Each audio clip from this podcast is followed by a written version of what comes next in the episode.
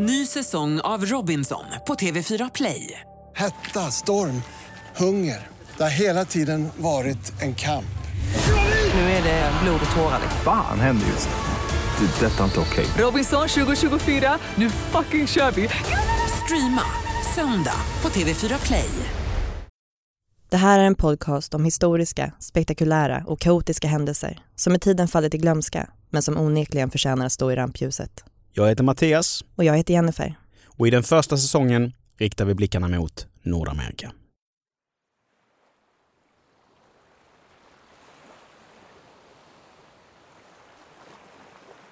Halifax, Nova Scotia. Vintern är här. Det är kallt och små lätta flingor faller sakta ner mot marken. Platsen är hem åt tusentals ödmjuka själar. Själar som härjats av väder och vind i alla sina dagar. Och där går han. Han som gör vad som helst för staden han älskar. För människorna runt omkring. Han som inom loppet av en timme kommer gå till historien som en av Kanadas främsta hjältar. Du lyssnar på Kaos om Halifax-explosionen.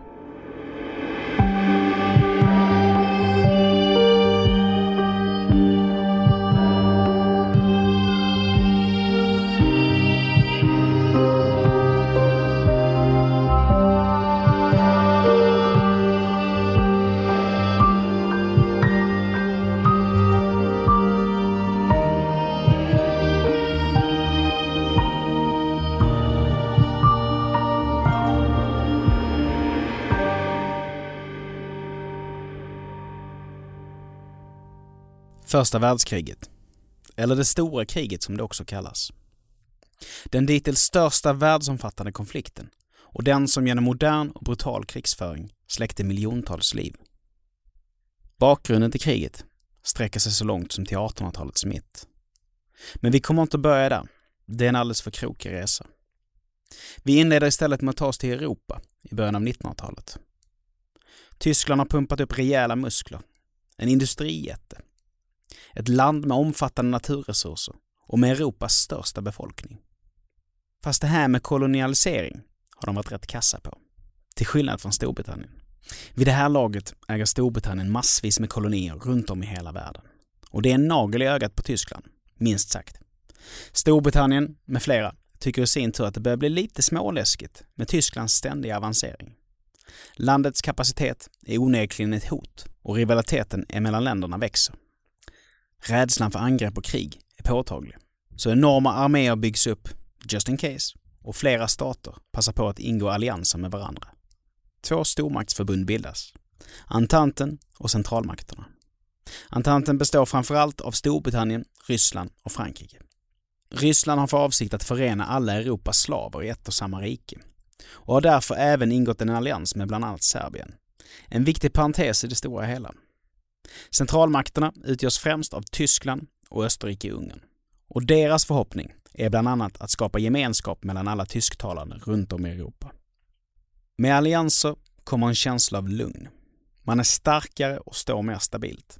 Men det har sitt pris. Det har det. För om ens partner råkar illa ut eller känner för att gå till attack så måste du rycka in och backa upp. Det är så det funkar och det blir samtliga parter av stormaktsförbunden snabbt varse om. Den 28 juni 1914 är Österrike-Ungerns tronföljare Frans Ferdinand och hans fru Sofie på besök i Sarajevo, Bosnien. De färdas i en öppen bil och medan de sakta rullar fram genom gatorna hoppar plötsligt en ung man fram och öppnar eld. Paret träffas och dör.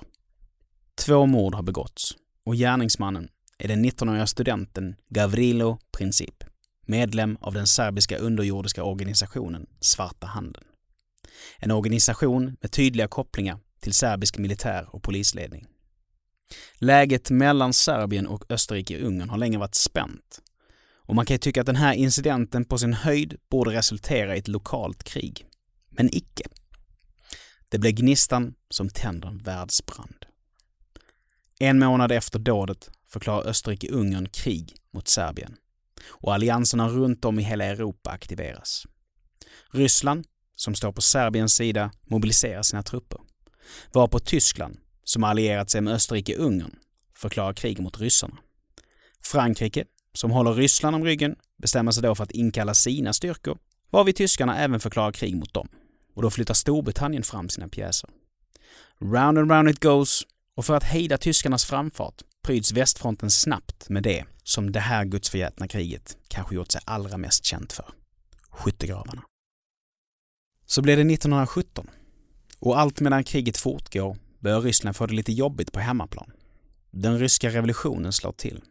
Och man tvingas därför sluta fred med Tyskland. Bäst att storstäda i sitt eget hus innan man dammar av resten av världen, så att säga. Men Antanten har en avbytare på bänken. En offensiv stormakt på andra sidan Atlanten. United States of America ger sig in i matchen och är beredd att förse sina allierade med mer än en miljon soldater. Det tar oss till hamnstaden Halifax, huvudorten i provinsen Nova Scotia vid Kanadas sydostkust. Här råder en marin tillvaro. Livet kretsar kring det väldiga havet och allt vad hon har att erbjuda. Orten är redan livlig som den är, men under vintern 1917 sväller den permanenta befolkningen till hela 50 000 och staden blev dessutom temporärt hem åt armé och marinpersonal. Det är USAs intåg i första världskriget som ligger bakom boomen. För Halifax isfria hamn är nämligen den perfekta utgångspunkten för transporter av trupper över Atlanten till Europa. Utöver krigsmän är det en hel del känslig, rent av dödlig, materiell som kommer och går. Och visst, det kan ju vara lite nervöst att vara gästhamn åt båtar med farliga laster. Men man har gjort sina säkerhetsanalyser och trygga förtöjningsplatser har upprättats. Verksamheten i och runt hamnen flyter på fint. Och det är precis ett sånt här ställe man ska vara på just nu. Långt ifrån stridigheterna, åtnjutandes av varenda tänkbar fördel ett krig kan medföra. Som relativt trygga och lukrativa jobb till exempel. En stor del av världen mår piss. Men i Halifax har man det faktiskt rätt gött. En av stadens lyckliga invånare är den 45-åriga Vincent Coleman. Born and raised och skulle för sitt liv inte kunna tänka sig bo någon annanstans. Vågorna, människorna, känslan av att befinna sig i en omhuldad bubbla med ett vidunderligt hav och en dramatisk horisont som granne. Här är livet litet och stort på en och samma gång. Vincent jobbar på ett kontrollcenter i mitten av järnvägsvarven och hans arbete går ut på att leda järnvägstrafik in och ut ur det högaktiva hamndistriktet. Han trivs förvisso allra bäst hemma i huset på Russell Street med hustrun Frances och deras tre energiknippen till barn. Men det är ett bra jobb och kollegorna är trevliga. Och nu är det på igen. Det är tidig morgon, torsdagen den 6 december 1917. Vincent gör sig i ordning för ännu en dags arbete. Lunchlådan, rocken, mössan. Treåriga Eileen leker i hallen och de andra två vildingarna har precis gett sig av mot skolan. Som vilken dag som helst. En kyss på Eileens panna och en på Frances. Så går han ut och stänger dörren bakom sig. Som vilken dag som helst. Vincent promenerar mot kontrollcentret. Mot bullret mitt i smeten. Han lägger inte märke till fartyget som närmar sig hamnen. Och hade han gjort det hade han hur som helst inte haft någon aning om dess dödsbringande gods. Det ser ut som fartyget gör mest. Inget sticker ut. Inget värt att notera. Sakta men säkert glider hon fram. SS Mont Blanc. En bomb på vatten.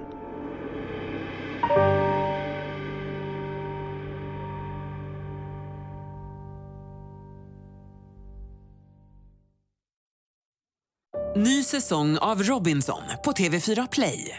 Hetta, storm, hunger. Det har hela tiden varit en kamp. Nu är det blod och tårar. Fan händer just nu. Det. är Detta är inte okej. Robinson 2024, nu fucking kör vi! Streama söndag på TV4 Play. Ett poddtips från Podplay. I podden Något Kaiko garanterar östgötarna Brutti och jag, Davva, dig en stor dos skratt. Där följer jag pladask för köttätandet igen. Man är lite som en jävla vampyr. Man har fått lite blodsmak och då måste man ha mer.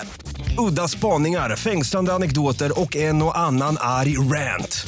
Jag måste ha mitt kaffe på morgonen för annars är jag ingen trevlig människa. Då är du ingen trevlig människa, punkt. Något Kaiko, hör du på Podplay. Därför arkadeinerna.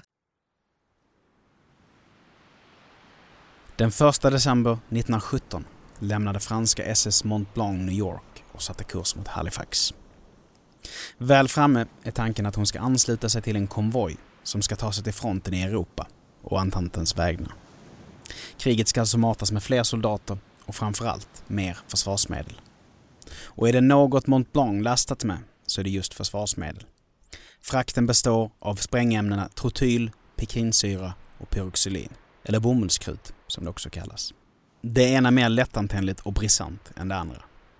Utöver det finns det en hel del brandfarligheter på däck. Bränsletrummorna är fulla med bensen och bensen tycker om att brinna. Allt som allt 2,6 miljoner kilo explosiva ämnen. Eller om man ska sätta det i relation till någonting, ungefär 433 elefanter. Ett skepp kommer lastat med ond bråd död, med andra ord. Men några flaggor som visar att det här är ett ammunitionsfartyg har inte hissats. I havet lurar nämligen tyska ubåtar och man vill ju inte pocka på deras uppmärksamhet. Nej, nej, nej, nej.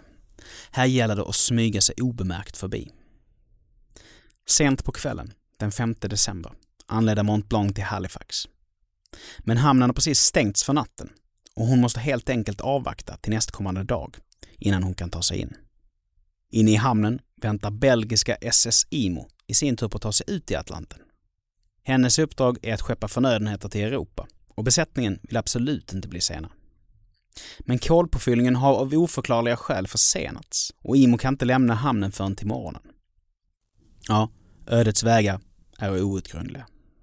Så stiger solen och vi tar vid där vi slutade. Det är den 6 december och Vincent Coleman är alltså på väg till jobbet. Hamnen har öppnat så nu kan fartygen ta sig in, såväl som ut. Klockan åtta kliver Vincent in i kontrollcentret. Mont Blanc är på väg mot hamnen och Imo är på väg ut.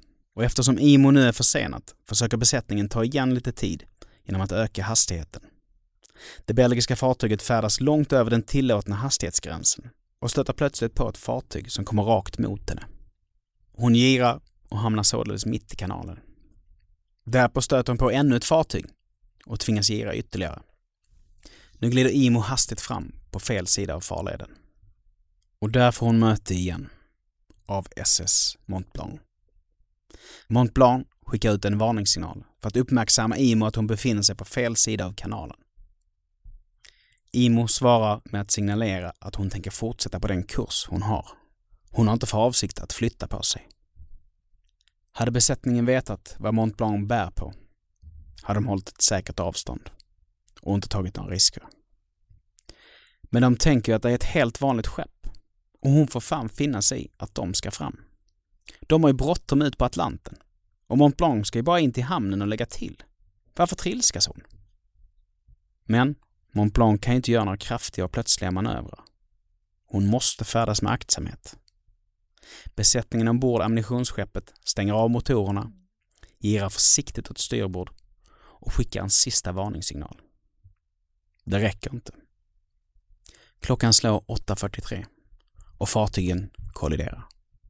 Stål gnids mot stål i en häftig rörelse och tusentals små gnistor regnar ner på Mont Blancs däck. Bränsletunnorna fattar genast eld och stora bolmande rökmoln stiger mot himlen. Spektaklet lockar till sig hundratals åskådare. Hopor av människor samlas på gatorna där det är god sikt över hamnen. Mängder av folk ställer sig vid fönstren i sina hem, på sina skolor och arbetsplatser. En del klättrar till och med upp till vippplatserna på hustaken. Mont Blanc driver långsamt in mot kajen och pryds nu av intensiva lågor som sträcker sig 30 meter upp i skyn. Kaptenen ombord på ammunitionsfartyget förstår att det här kommer gå käpprätt åt helvete och beordrar sina mannar att överge skeppet. Panikslagna kastar de sig ner i livbåtarna och ro allt vad de förmår. Samtidigt som de skriker åt åskådarna att fly för sina liv. På franska. Ja, Mont Blanc är ju som sagt av fransk härkomst. Och besättningen likaså. Men publiken då? Publiken är engelsktalande och förstår inte dyft av sjömännens gormande. Och vi kan inte trycka på det här tillräckligt många gånger. Hon bär alltså inga som helst symboler som visar att hon är ett ammunitionsfartyg. För Halifax invånare är hon bara ett brinnande skepp. Ett häftigt skådespel på tryggt avstånd från hamnen.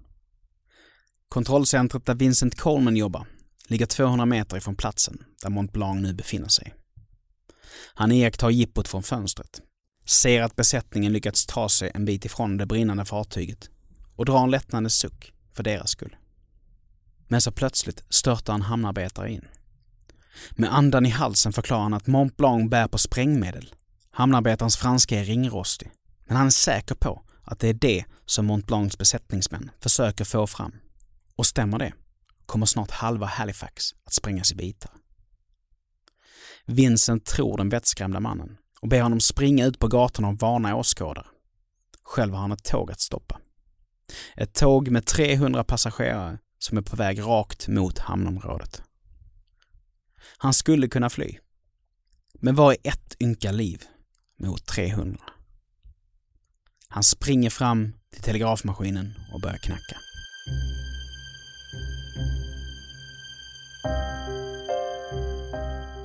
Stanna tåget. Ammunitionsfartyg i lågor och kommer att explodera.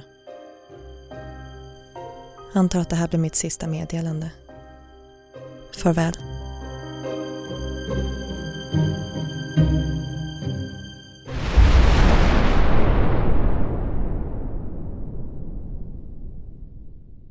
Fyra minuter över nio smäller det. En monumental, fullständigt förödande explosion. Tryckvågen krossar organen och spränger lungorna på de som befinner sig närmast skeppet. Glassplitter skjuter fram, likt sylvassa knivar och skär genom väggar, kött och ben. De som stått vid sina fönster spetsas av skärvorna och en del blir till och med halshuggna. Trähusens kokkärl tippar omkull och sätter byggnader i brand. Av Mont Blanc finns bara små fragment kvar. Och en 15 meter hög tsunami sveper in över hamnområdet och vidare in mot stadskärnan. Överallt hörs höga skrik. Barngråt och ångestfylld klagosång. 1600 människor dör direkt. Ytterligare 400 allvarligt skadade stryker med de kommande dagarna. 9000 skadas svårt, men inte livshotande. 1800 hem totalförstörs och lämnar 12 000 människor utan tak över huvudet. Det är en chockartad, hjärtskärande syn. Hela den norra delen av Halifax är bortsprängd. Och det är kanske inte så konstigt. För explosionen är den dittills absolut största. Och världen kommer inte se en större förrän atombomben släpps över Hiroshima 1945. Det dröjer flera dagar innan man hittar Vincent Colemans kropp.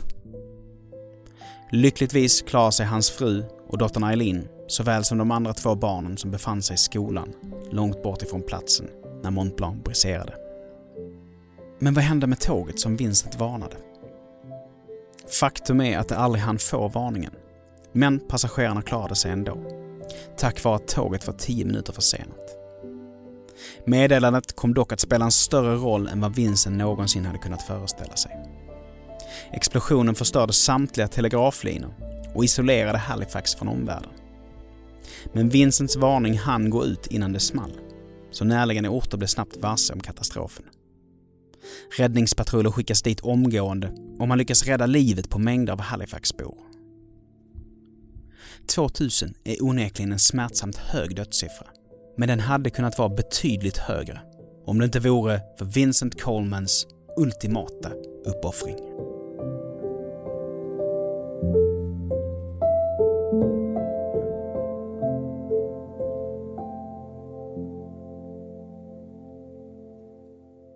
Ja, första världskriget skördade liv. Såväl vid fronten som vid lugna, fridfulla hamnstäder. När kriget är över, 11 november 1918, kan man konstatera att 10 miljoner soldater och 7 miljoner civila har dött. Miljontals har skadats. Och precis som i fallet med Halifax är det de moderna och slagkraftiga förstörelseredskapen som ligger bakom ödeläggelsen. Sprängmedel med enorm kapacitet, stridsvagnar, dödlig gas, flyg och kulsprutor med en eldhastighet man tidigare inte skådat. En fatal cocktail, minst sagt. När USA hoppade in avgjordes det hela. Antanten står som segrare och sätter villkoren under fredsuppgörelsen i Versailles 1919. Centralmakterna får inte ens närvara vid mötet. Och skulden för kriget läggs framförallt på Tyskland. Landet straffas tungt och orättvist. Något som senare kommer att bana väg för nazismen och Adolf Hitler. Och i sin tur leder Europa och resten av världen in i ett nytt världskrig. Ett jävla mörker som vi definitivt inte ska avsluta med. Låt oss istället fokusera på det faktum att Halifax blir okej okay igen. Den lilla hamnstaden har restaurerats och är åter den lilla trygga bubbla som den var tidigare. Men visst, minnena från katastrofen lever kvar. I Maritime Museum finns en permanent utställning som hedrar explosionens offer.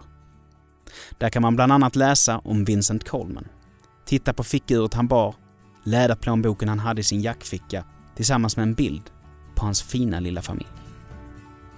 Han är en hjälte, lika mycket då som nu. Och det ska du fan ha Vincent. Hundra gånger om. Du verkar vara en riktig toppenkille.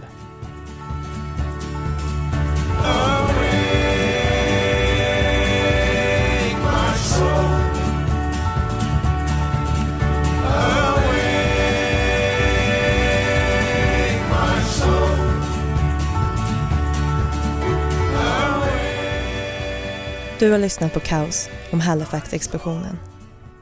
Research Linn Halsenius. Och källorna som används är legionmagazine.com, ottawacitizen.com, ne.se, sorummet.se och tidskriften Världens historia. Vi som gör den här podden heter Jennifer Devard och Mattias Nordgren. Nästa vecka tar vi oss till år 1900 och Galveston-orkanen, en av USAs hittills största naturkatastrofer. Följ Kaos podcast på Instagram för att se bilder från fallen. Tack för att du har lyssnat.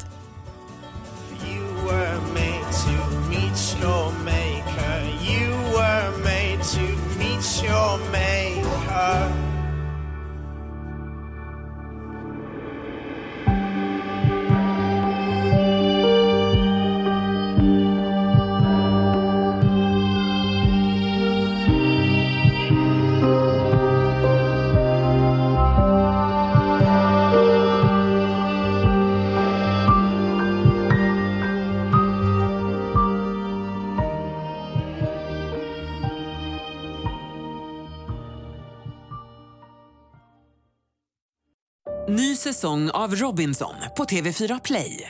Hetta, storm, hunger. Det har hela tiden varit en kamp.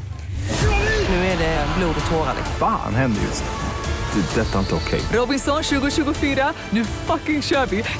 Streama söndag på TV4 Play.